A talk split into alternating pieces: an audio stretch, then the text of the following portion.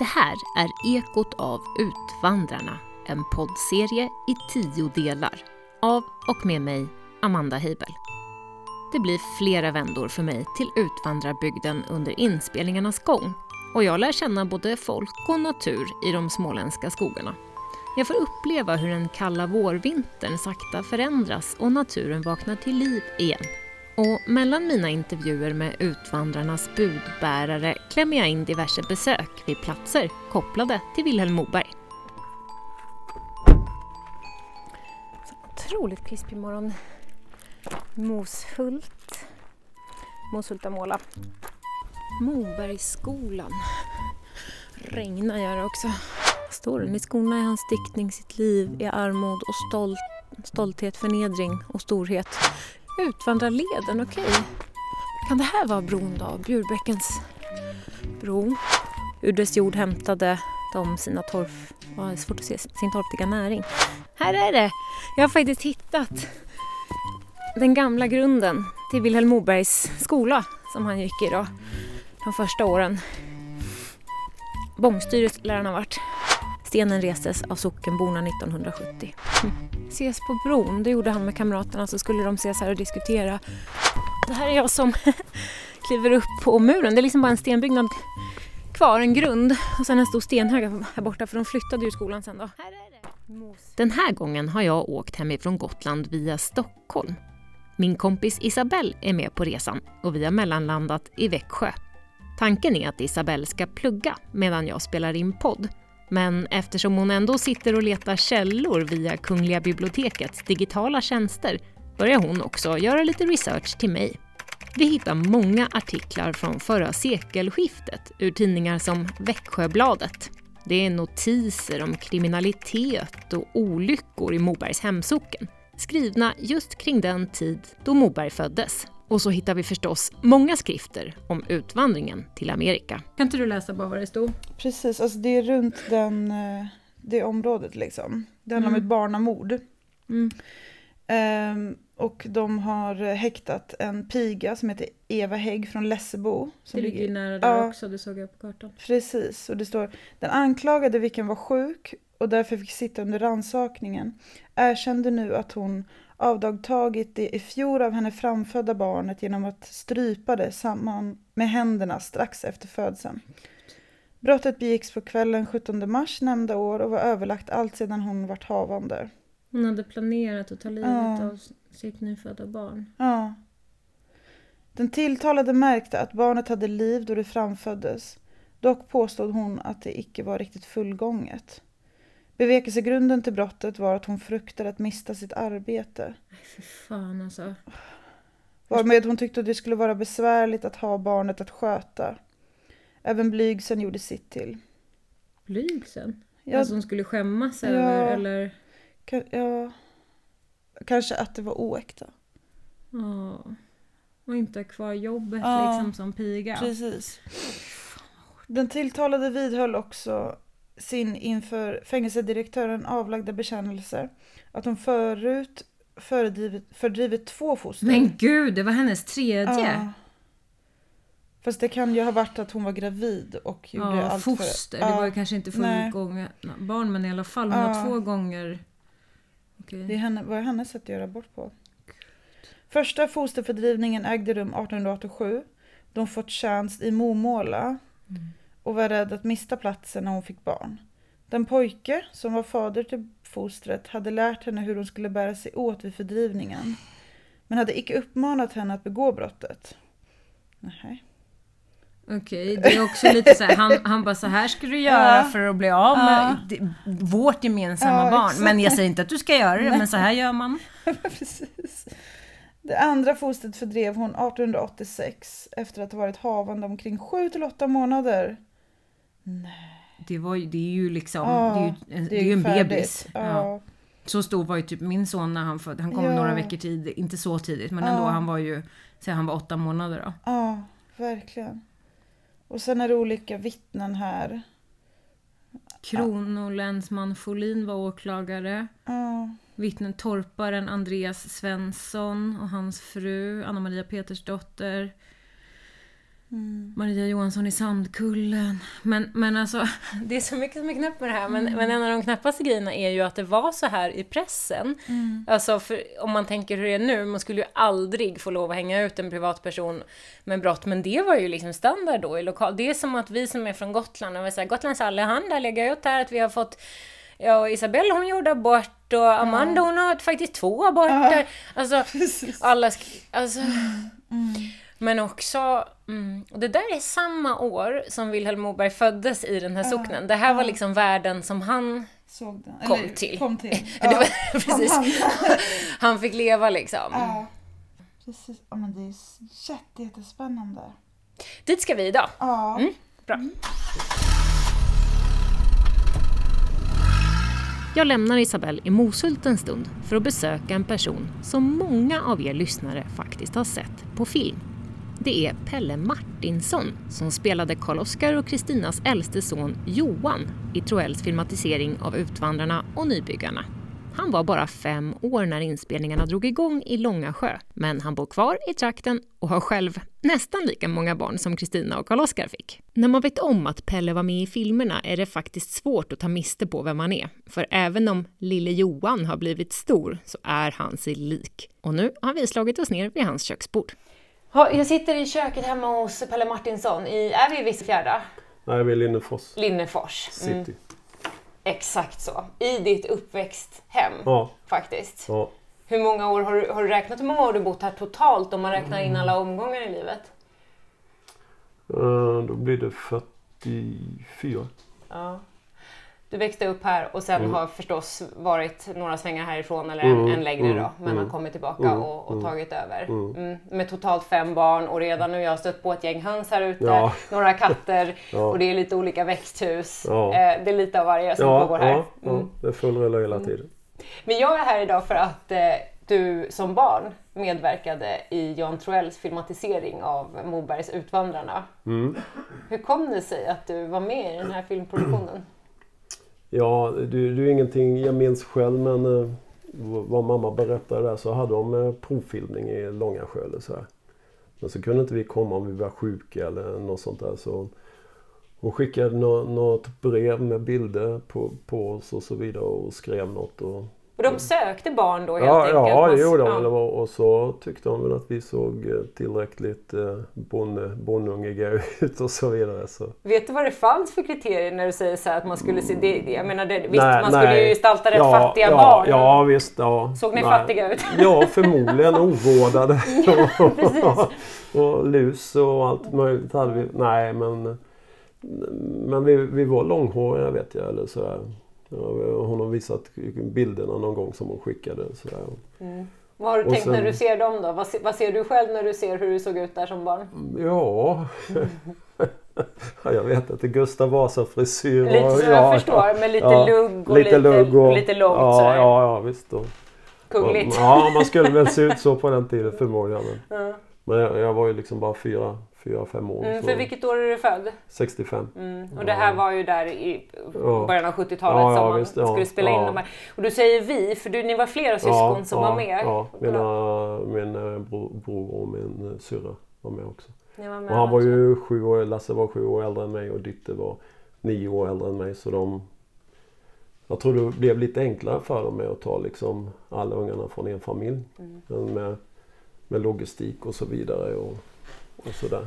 Ja det kan man ju tänka sig ja. att det måste, det är ju alltid, ja. det är alltid mycket kring en filminspelning ja, men när visst, det ska vara barn och det ska vara via föräldrar och regi och det ska, man ska funka och orka och man ska vara på plats. Det måste ju varit mycket. men vad, eh, vad minns du av allt det där? Mm. Jag, jag, minns, jag tror jag minns vissa grejer men problem, eller jag, jag har ju fått frågor hela tiden så jag vet ju liksom inte hur mycket som är jag minns och hur mycket som är färdiga mm. svar eller efterkonstruerade minnesbilder eller sådär. Men ja, jag har liksom lite sådana grejer jag minns när, när, när, när det åskade där till exempel på Klasatorpet och ladan brann ner eller så här. Då, vet jag, vi, vi skulle ligga och vara rädda i sängen och, och sådär. Och, och, och, och, vi var trötta och fnissiga och vi bara låg och fnissade. Du var inte så rädd? Nej, jag var inte så rädd. Jag var inte så rädd så jag skulle vara. Så sa de till oss på skarpen att nu får du liksom skärpa till dig sådär. Och, och, och så då somnade vi istället och det blev ju inte bra det heller. Va? På riktigt? Ja, ja visst. Man... Under inspelning? Ja, men du vet när man är fem år man blir Helt trött, slut. då sover man.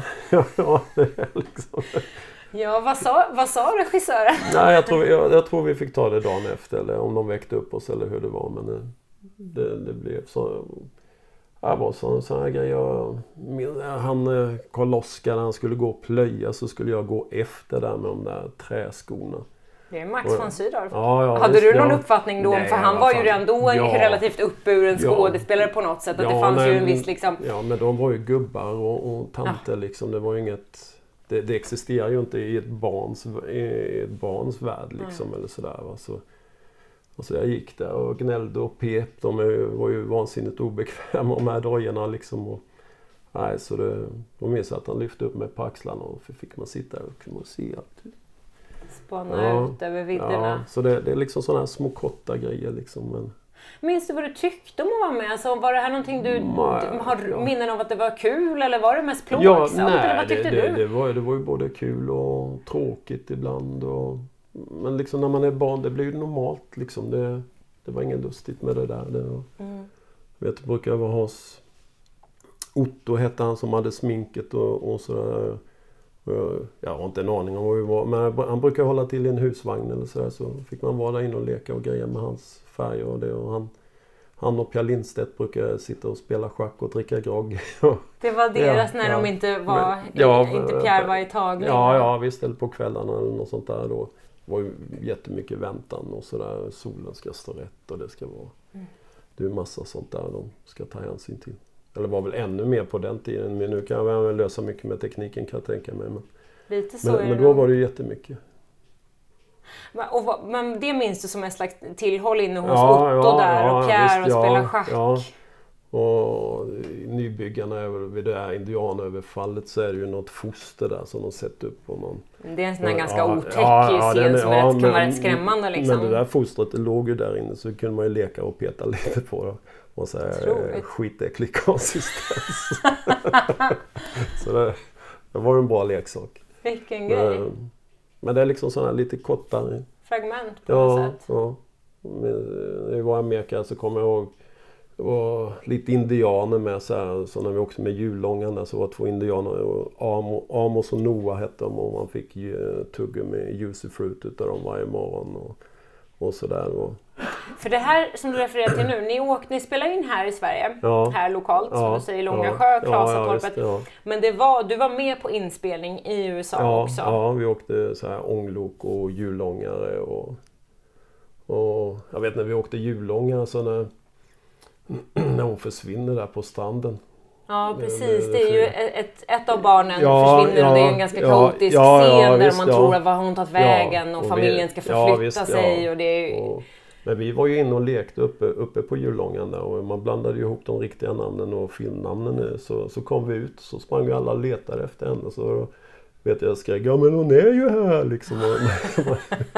Man fick bryta och... ja, ja.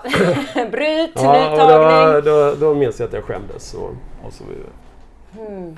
så liksom det, det är så här små korta grejer man kan Mm. komma ihåg. Du var ju inte stor som sagt när allt det här pågick, var ju bara några år när ni satte igång. Men hur lång, hur lång det är ju för det är ganska omfattande inspelningar Ja. egentligen. Ja, jag, jag, jag kan tänka mig att det var liksom ett och ett halvt år med, fast med, inte hela tiden då, utan det var ju uppehåll och det var ju inte alltid en annan skulle vara med och så vidare. Men sen, Men när ni skulle resa över och filma i Ja. USA, och hur funkade det? Och följde, åkte ni med familj eller Nej, en förälder? men, eller hur gick det där eh, till? Ehm, ja, mamma kunde väl lite engelska men hon tyckte inte hon kunde tillräckligt bra så min, eh, min morbror följde med. Mhm.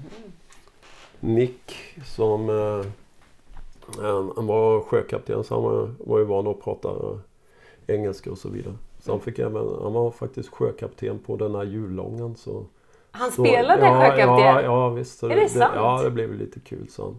Men morbror ska följa Ja, barnen ja. med och få också en Ja, roll. ja, och snacka visst, om att de hade en förmåga att plocka in människor med kompetens också i visst, produktionen och som hade en ganska naturlig på något sätt.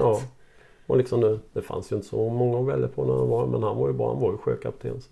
Kanon. Ja varför inte? Nej, det var så man castade. Men det är ganska speciellt för det är någonting i den där filmatiseringen man har gått tillbaka och tittat lite grann som är i mina ögon exceptionellt för att det är så naturalistiskt ofta. Mm, mm. Både med er barn och med många av de här som jag har förstått nu i efterhand är faktiskt eh, lokala liksom, mm, människor mm, som i mångt och mycket hade med, är man inte bara uppsydd kostym utan mm. faktiskt gamla vad man hade för gammal lump ja, i princip ja, visst, ja. och ta med till ja, inspelning. Och det, det syns liksom, det finns någonting visst, i det där.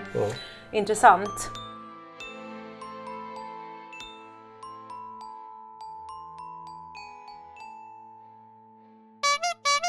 Ja, när den där tutan ljuder, då vet ni att det brukar betyda sponsrat meddelande. Den här gången har jag ett lite annorlunda sådant, får man väl säga.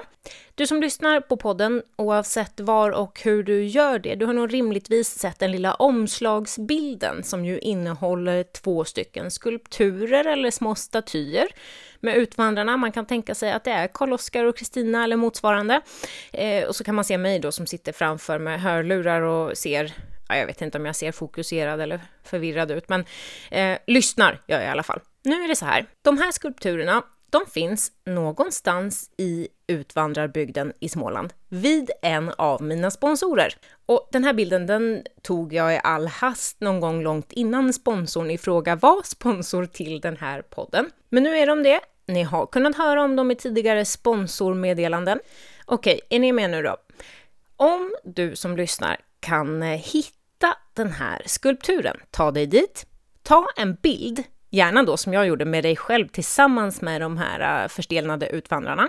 Lägg upp den på Facebook eller Instagram och så taggar du Ekot av utvandrarna. Eller skicka ett meddelande, det går också bra. Då väntar ett äh, personligt, lite speciellt tack efter att hela den här säsongen är äh, publicerad. Och dessutom så lovar sponsorn i fråga den samarbetspartner där du alltså hittar de här skulpturerna någonstans i utvandrarbygden. Att om du inte kommer på någon väldigt eh, olämplig och märklig tid så bjuds det dessutom på kaffe och kaka till dig som kommer dit för att eh, fota dig själv i min lilla utmaning här. Så det är bara att åka runt, då kan du njuta av utvandrarbygden oavsett om du bor där eller om du är besökare. Ta en liten tur, fotografera dig med utvandrarna, kanske få kaffe och kaka av mina underbara sponsorer och garanterat få ett speciellt tack från Ekot av Utvandrarna. Det är väl bara att göra. Nu fortsätter intervjun.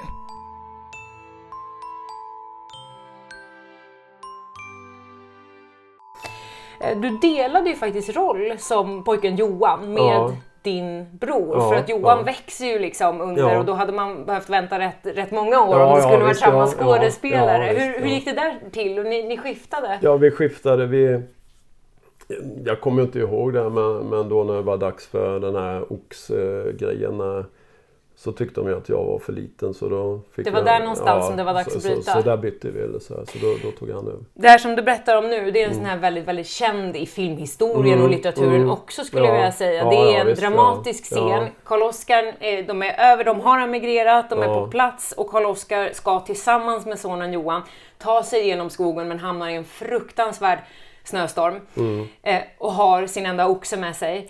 Eh, och pojken håller på att förfrysa så det mm, slutar med att Karl-Oskar tar livet av eh, oxen för att rädda pojken mm. helt enkelt. Ja. Ut med, med innanmätet och värmer upp pojkens kropp ja. i. Och det är ja, visst, även om man kanske inte ens har läst eller sett Utvandrarna så många har nog någon gång i skolan kanske liksom läst den där scenen eller visst, det är en sån här verklig klassiker.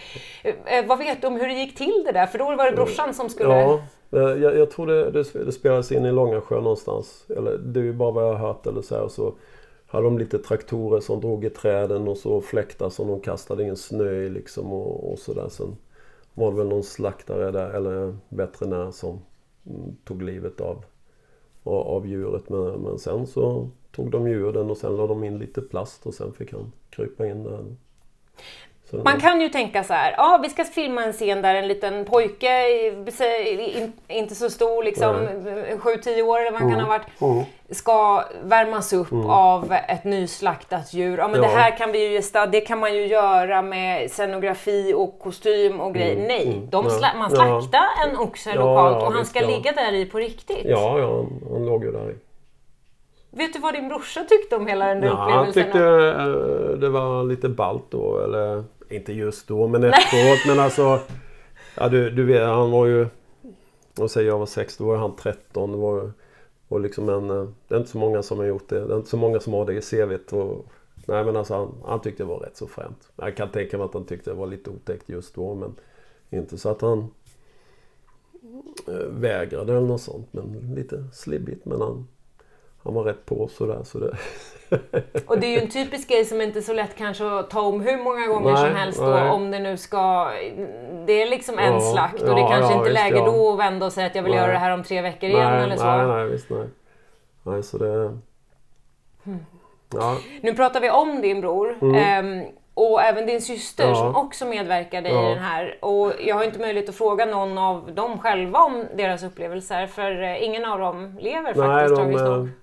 Lasse gick bort för ja, 21 år sedan och lite för 31 år sedan nu. Och två olika typer av cancer. Så här, som, Av en som, slump och båda ja, två drabbas ja, av sjukdom ja, så att säga. Eller slump eller hur man nu ska uttrycka sig. Visst, men, ja, alltså, tragiskt nog. Ja, inga sådana här relaterade eh, Inga ärftliga cancertyper utan eh, min syster hade någon bindevävscancer alltså, och, och brorsan fick en hjärntumör som var väldigt aggressiv eller sådär. Så, ja.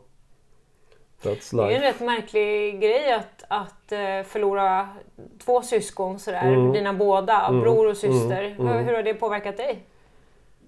Ja, jag vet ju inte. Jag vet ju inte hur jag hade varit om det inte hade hänt men... Eh, jag vet det, det... ska man säga? Man, man kanske värdesätter livet lite mer än, än man hade gjort annars. Uh, samtidigt som man glömmer det vissa dagar. Att man, man gnäller över det ena och det andra och så vidare. Men det, det är ju rätt så gött att få vara med va? Mm. I, i, verkligheten. Och, nej, så det, det, det är rätt så svårt och, och jag tror man, eh, man lär känna sig lite bättre, känna sig själv lite bättre om man man, man tänker på frågor som man aldrig tänker på annars. Eller att man eh, man pratar om saker med... Det är inte normalt att man pratar om döden när man är runt 30 liksom eller sådär. Att man, man, man säger saker till varandra som man inte hade gjort annars. Alltså, Vilken typ av saker? Ja, men hur mycket man tycker om varandra och sådär liksom. Särskilt som med brorsan, vet grabbar. Det, mm. Mm. Lite tuffare eller, ja, ofta ja, eller kanske ja, inte så uttalat nej, alltid nej, kärleken nej, eller vad man betyder. Nej, nej eller? visst. Och man kan berätta grejer man tycker och grejer man ångrat och så vidare. Och, och så vidare va? Inte ha så mycket osagt nej, så att säga. Nej, nej, liksom det... Så, så Sånt är ju mycket liksom. Och, och Ditte var ju nio år äldre än mig så hon var ju en extra mamma eller sådär. Så det var... Det är ju också i sig en ganska märklig förlust ja, när någon har lite den rollen ja, i. Ja, visst. Ja, och, det, vi säger den här perioden när, när hon var sjuk och hon gick bort. Det, det var fruktansvärt jobbigt alltså. Det, och, Gick det snabbt? Och efteråt, nej det, det tog ju ett, ett, ett, par år. Liksom hon tog en, eller opererades och så vidare och så trodde man det var var bra men sen då så någon undersökning ett halvår senare så visade det sig att det är liksom precis fullt överallt liksom så det, Då var det liksom kört. Mm. Eller sådär va. Men det... Uh, alltså, jag, jag minns en tid där efteråt när man gick och la sig. Man började fundera på om man kan somna om man inte får lipa en stund och sådär. Mm. Det är liksom... Lipar du då? då? Ja. Mm. Jag har fyllt många spänn. Mm. Mm. Men, men, sen är det så här man... Jag gillar att det här uttrycket man säger man kommer över något. Man kommer inte över något. Man lär sig hantera något. Liksom. Ja, man tvingas ju. Ja, man har ju ja, inte så mycket val. Nej, det, det är det det handlar om. Liksom, mm. Att man ja, hittar en väg mm. tillbaks till något sätt. Till mm. något, något nytt, något annorlunda. Eller, det behöver inte vara annorlunda men alltså att man, mm. man går vidare. Mm. Eller får man bara lägga av. Ja, precis. Eh, man har inga, har inga val liksom.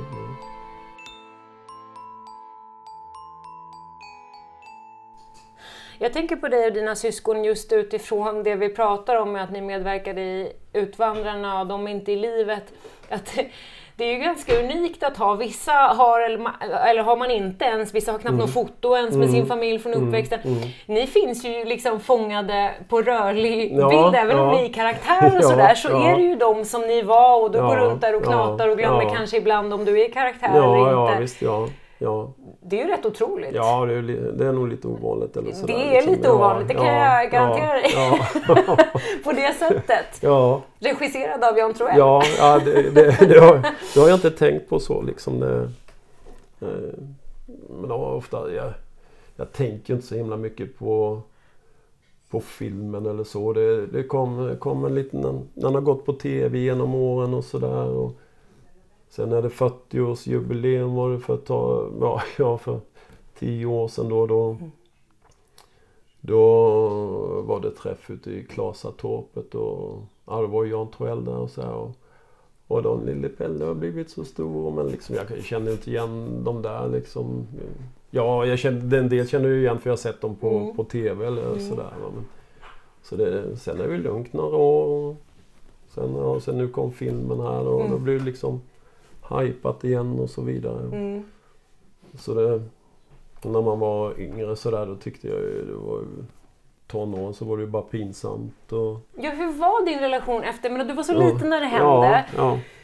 Och sen ska man ändå, eh, som du säger, det är klart det går mm. lite i vågor om folk, intresset ja, och sådär. Ja. Men du, i någon mån är det ju ändå, måste ju ändå varit men han som spelar Johan i Utvandrarna ja, och han var med i filmen där visst, och så. Liksom, och det var en fas där det var mindre kul. Ja, var, ja, jag tyckte det var skitjobbigt.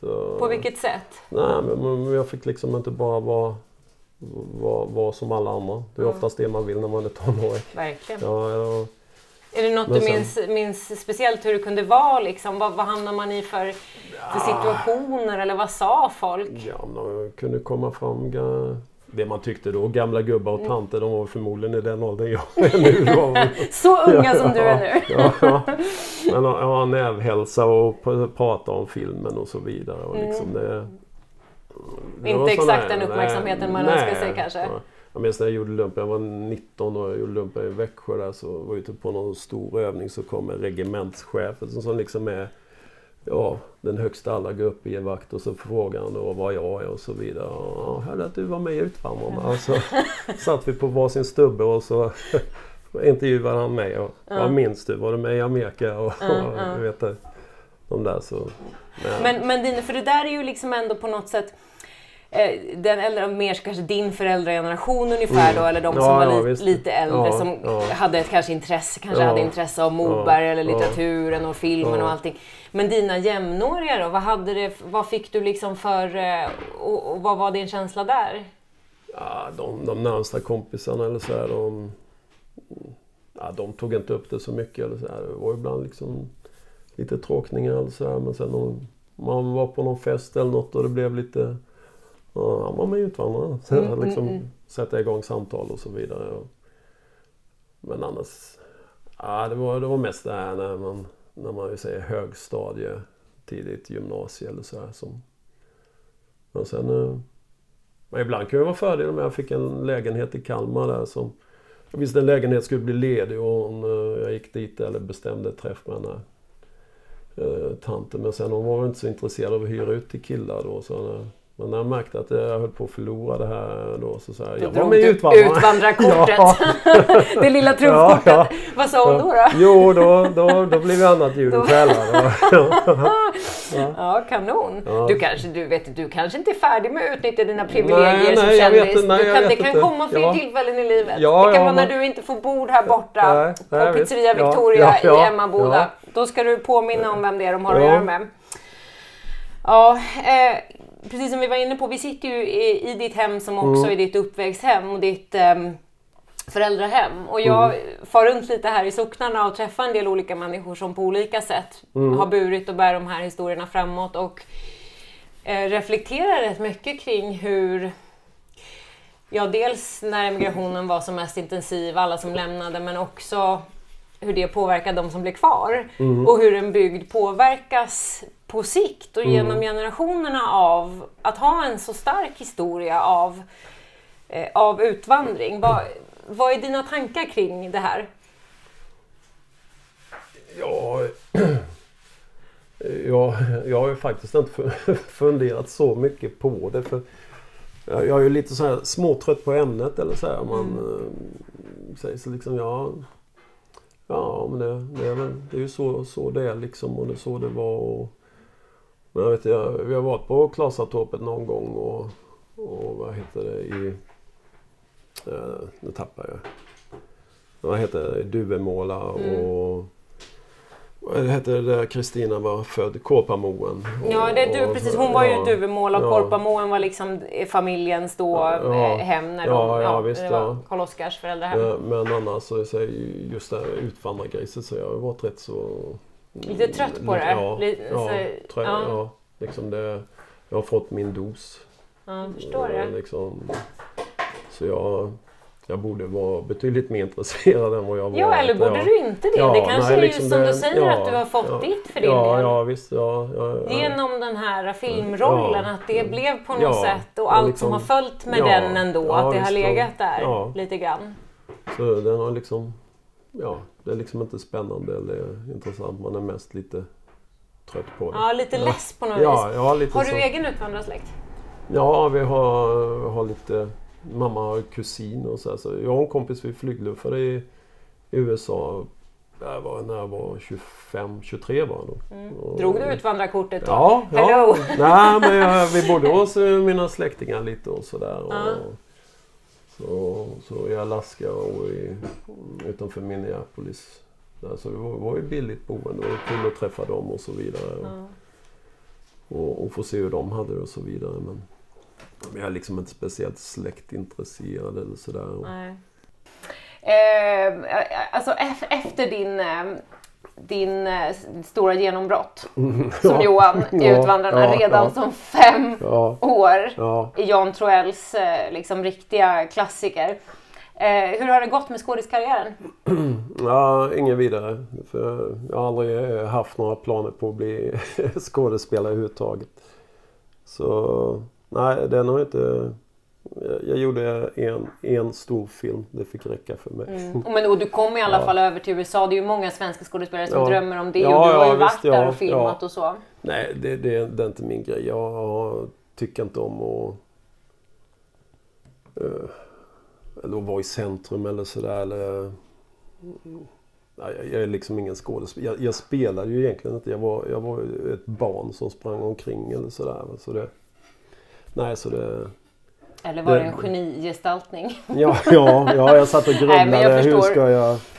Alltså det, det, är ju jätteenkelt när man är när man är barn för du, då är man ju liksom inte förstörd eller vad man, man liksom, om man gör som de vuxna säger och tycker om att jag ska skratta lite så gör jag, får jag väl göra det då liksom. Och, och jag var jag var, tror jag var väldigt foglig som barn. Jag kanske inte var... Jag kanske var lite busig eller så här, men eh, rätt så foglig och, och ställde upp på det mesta. Och, och eh, de fick... Eh, den där scenen när, när man åker med båten där och, och man, de kräks och, och så här. Ut över Atlanten? Ja, ja. och så... Och, och sen någon, något som är med klasskompisar och dylikt resan för, för att ha Mo slutat blåa nu. Men, eh, det är en sån replik ja, som ja, kommer tillbaka. Ja visst, men det, var, det, det spelades in i en stor låda i någon sån här filmstudio i Solna tror jag det var. Och, och, så det var ju en skitstor trälåda och så var det inrätt där i och sen stod den på vingligt och så här. Sen, sen, hade man stora reglar där som man drog i. Så gungade den här lådan då där inne. Och, och så var de där inne och så spydde man nattsoppa och så vidare. Så skulle jag gå ner där. Det var ju liksom... Jag tyckte det var jätteotäckt eller så här. Alltså. Så då hade de fixat, jag vet inte om de hade i beredskap sen innan, så fick jag en liten eller en brandjeep. Vad fick du? En brandjeep. En sån här liten leksaksbil. Ja, jag leker ja, ja, med. Ja, ja, visst. Ja. Så och den fick jag och så fick jag leka med den en stund först. Och sen om jag eh, stack ner där i lådan och gjorde det jag skulle så skulle jag få den här stora brandbilen med en sån här stege som man då kan Det är du, belöningen. Ja, visst, så... Gå nu bara till ja. Liv Ullman och säg ja. någon gång har slutat blåa så ja. blir den stora ja, ja, ja, visst, ja. Så den fick jag då. Alltså. Så det var väl enda gången de behövde muta mig vad jag, vad, vad jag minns i alla fall. Så. Mm. Men, men, nej, men skådespeleri och så, det, det är inte min grej. Vad blev, vad blev det istället? Uh, ja, vad, vad, blev det istället? Jag spelade i, i band från jag var 15 till jag var 25 var väl någonting. Så vi hade ett band där och med och det, det var ju skitskoj eller så här, men Vad spelade du? Då spelade jag tr trummor. Mm -hmm. För ja, det var ja, jäkla scenskräck så här. Var alltid, mådde nästan illa eller så här. Hade jag varit solartist så hade jag stuckit. Mm. Men det är men, bakom trumsetet Ja, där, där, mm. kan man mm. gömma sig lite bakom symboler och så här. Mm. Och sen, men sen när man väl kommer igång då blir det ju kul. Men liksom det är just innan. När man väl, när man väl eh, innan man kommer kommer igång. Mm. Allt funkar och det låter bra. Och man, ja, mm. då, då är det kul. Men, men just innan tycker jag är rätt så jobbigt. Men så, så är det väl för de flesta faktiskt. Men, det men, tror jag faktiskt är väldigt vanligt. Men sen eh, liksom får man ju jämföra. Är det värt det? Nej, nej jag vet inte. Men eh, så det jag uppskattar mest med, med att spela i band det var att repa och, och sen eh, fester efter hela ja. livet runt omkring ja, där. Ja. Inte så mycket själva giggen. Nej, nej. Är, det, är det som trummis som du har, eh, har livnärt dig i livet? Nej, nej, nej absolut inte. Jag har, ja, vad, vad har jag gjort?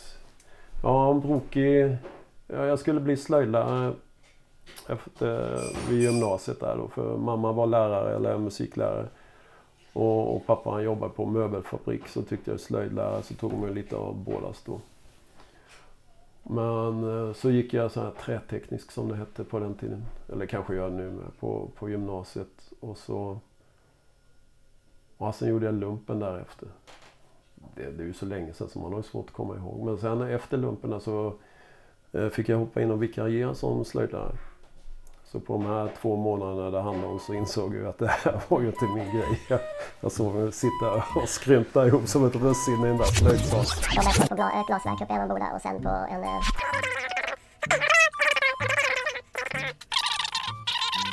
så jobbade jag på ett eh, golfföretag i Nybro ett tag. Sen började jag jobba på Silem här i Emmaboda där vi gör pumpar. Det var bara 97 och sen har, har, har jag jobbat där sen dess. Och, och så har ungarna kommit och så vidare. Och så, man inte, ja, mm. så liksom man dels kryllar inte av jobb. Sen är det rätt så, ju äldre man blir ju fegare blir man och byta och och liksom så, och jag trivs bra. Så det, ja, jag tänkte säga det, är det bara av feghet då? Man nej, kan inte trivas nej, på sitt nej, arbets nej, det, arbetsplats. Det, det, jag trivs jättebra och sådär. Mm. Så. Och så var det det där med alla barnen. För det är så tydligt när jag besöker Pelle och hans fru Annika. Att det ligger mycket kärlek och engagemang i deras gemensamma familjeliv. Jag brukar dela in livet i, i, i, två olika livet. Mitt gamla liv det är innan Annika eh, kissade på den där stickan och sen har jag mitt Den där liv. ja, den berömda stickan. Ja, ja. Mm. Hjärnhalvorna blev som en så här, äggklocka. Mm. Sen kom de aldrig läge igen. Liksom. Men du glömmer en annan viktig del. Det var, det var din tid som Johan. Ja, ja, ja. Det var fas 1. Ja, sen kom en annan mellanfas. Sen kom Annika och Stickan och allt det andra. The rest is history. Ja, jag brukar... Sen kommer när du flyttat hemifrån. Ja, jag brukar, men jag brukar ta upp det ibland när folk gnäller. Att jag, jag fick ju faktiskt börja arbeta som femåring. Ja, exakt. Ja, barnarbete. Det, ja, det är barnarbete. Det, så kom inte att snacka med mig. Liksom, Nej, exakt så. Men du, eh, ponera att någon ändå hade kommit till dig idag om till och med Troell, han har fyllt mm. 90, han ska ja. göra sin sista film. Okay, nu vill, ja, säger, ja. säger vi nu då, det här är rent i, i, i, min, i min fantasi. Nu kommer han och vill plocka ihop ett gäng med folk som han har sett på kameran för. Om mm. någon skulle komma och säga så här, vi vill, vi vill Pelle att du eh, medverkar i en film, vi har en roll till dig mm. och jag vet att du inte har gått den här banan men vi vet ju vad du, vad du går för. Du ska hade spela du... femåring. Hade, ja, exakt. För det, det vet ja, vi att du kan ja, i alla fall. Visst, ja. mm. Um, vad, vad, hade du sagt? Men om någon kom och verkligen ville sådär, hade du kunnat tacka ja till, till uh, en liten filmroll? Finns det någonting inom dig som tycker att det där hade varit häftigt att få vara med om igen? Eller kul? Intressant? Jag hade kanske kunnat göra det för att få utmana mig själv eller så här, men mm. Eh, ja, jag vet inte. Det, det, är inget jag hade bestämt sådär. Mm. jag är så gammal nu så då åh, ska man sova på saker. men eh, ja, nej, jag vet inte. Kan, kanske, kanske inte men ja, det beror på lite vad, vad det skulle vara. Men... Om det är femåring eller inte? Ja, ja, ja. mentalt är jag ju där men det är fysiskt som det... som det ställer till det lite? Ja, ja, ja. Ja, jag fattar. Alla vi fans som en gång möjligen har sett dig i Utvandrare inom åren, vi, vi får bara hoppas då helt enkelt att det kan bli en stor comeback ja, ja, ja, visst, ja.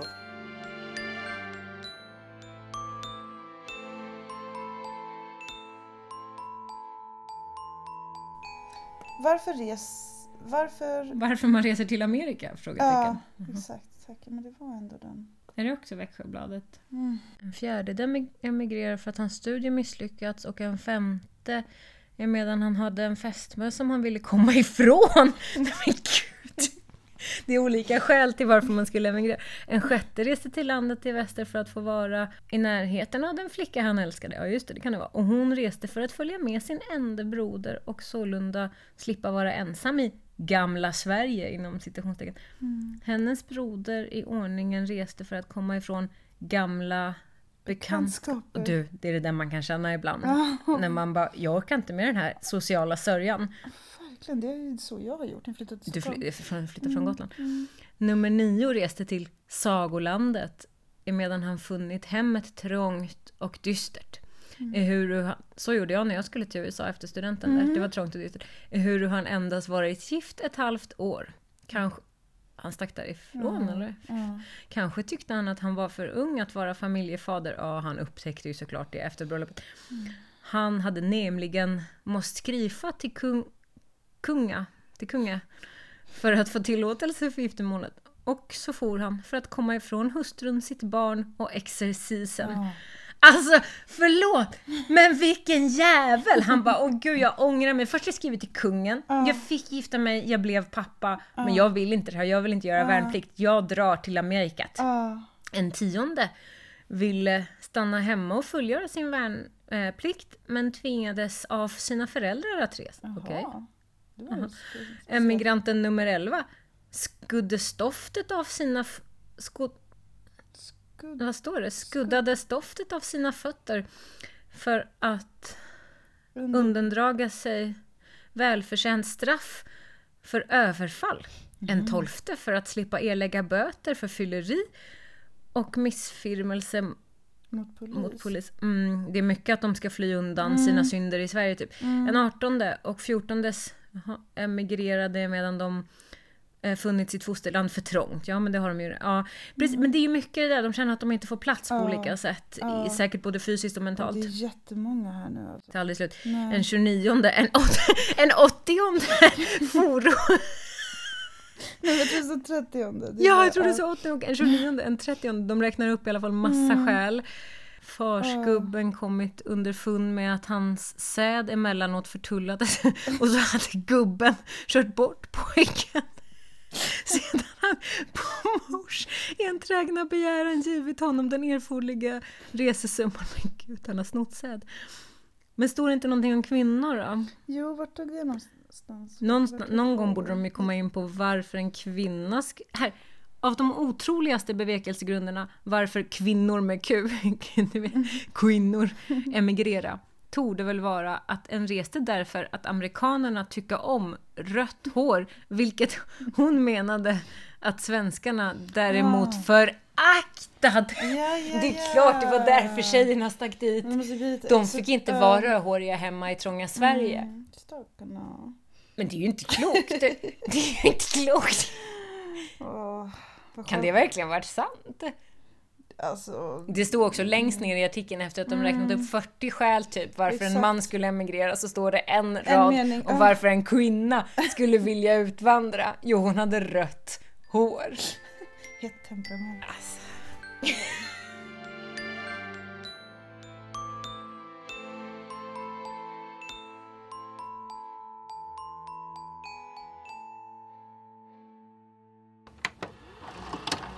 Du har lyssnat på en produktion från Moxie Media.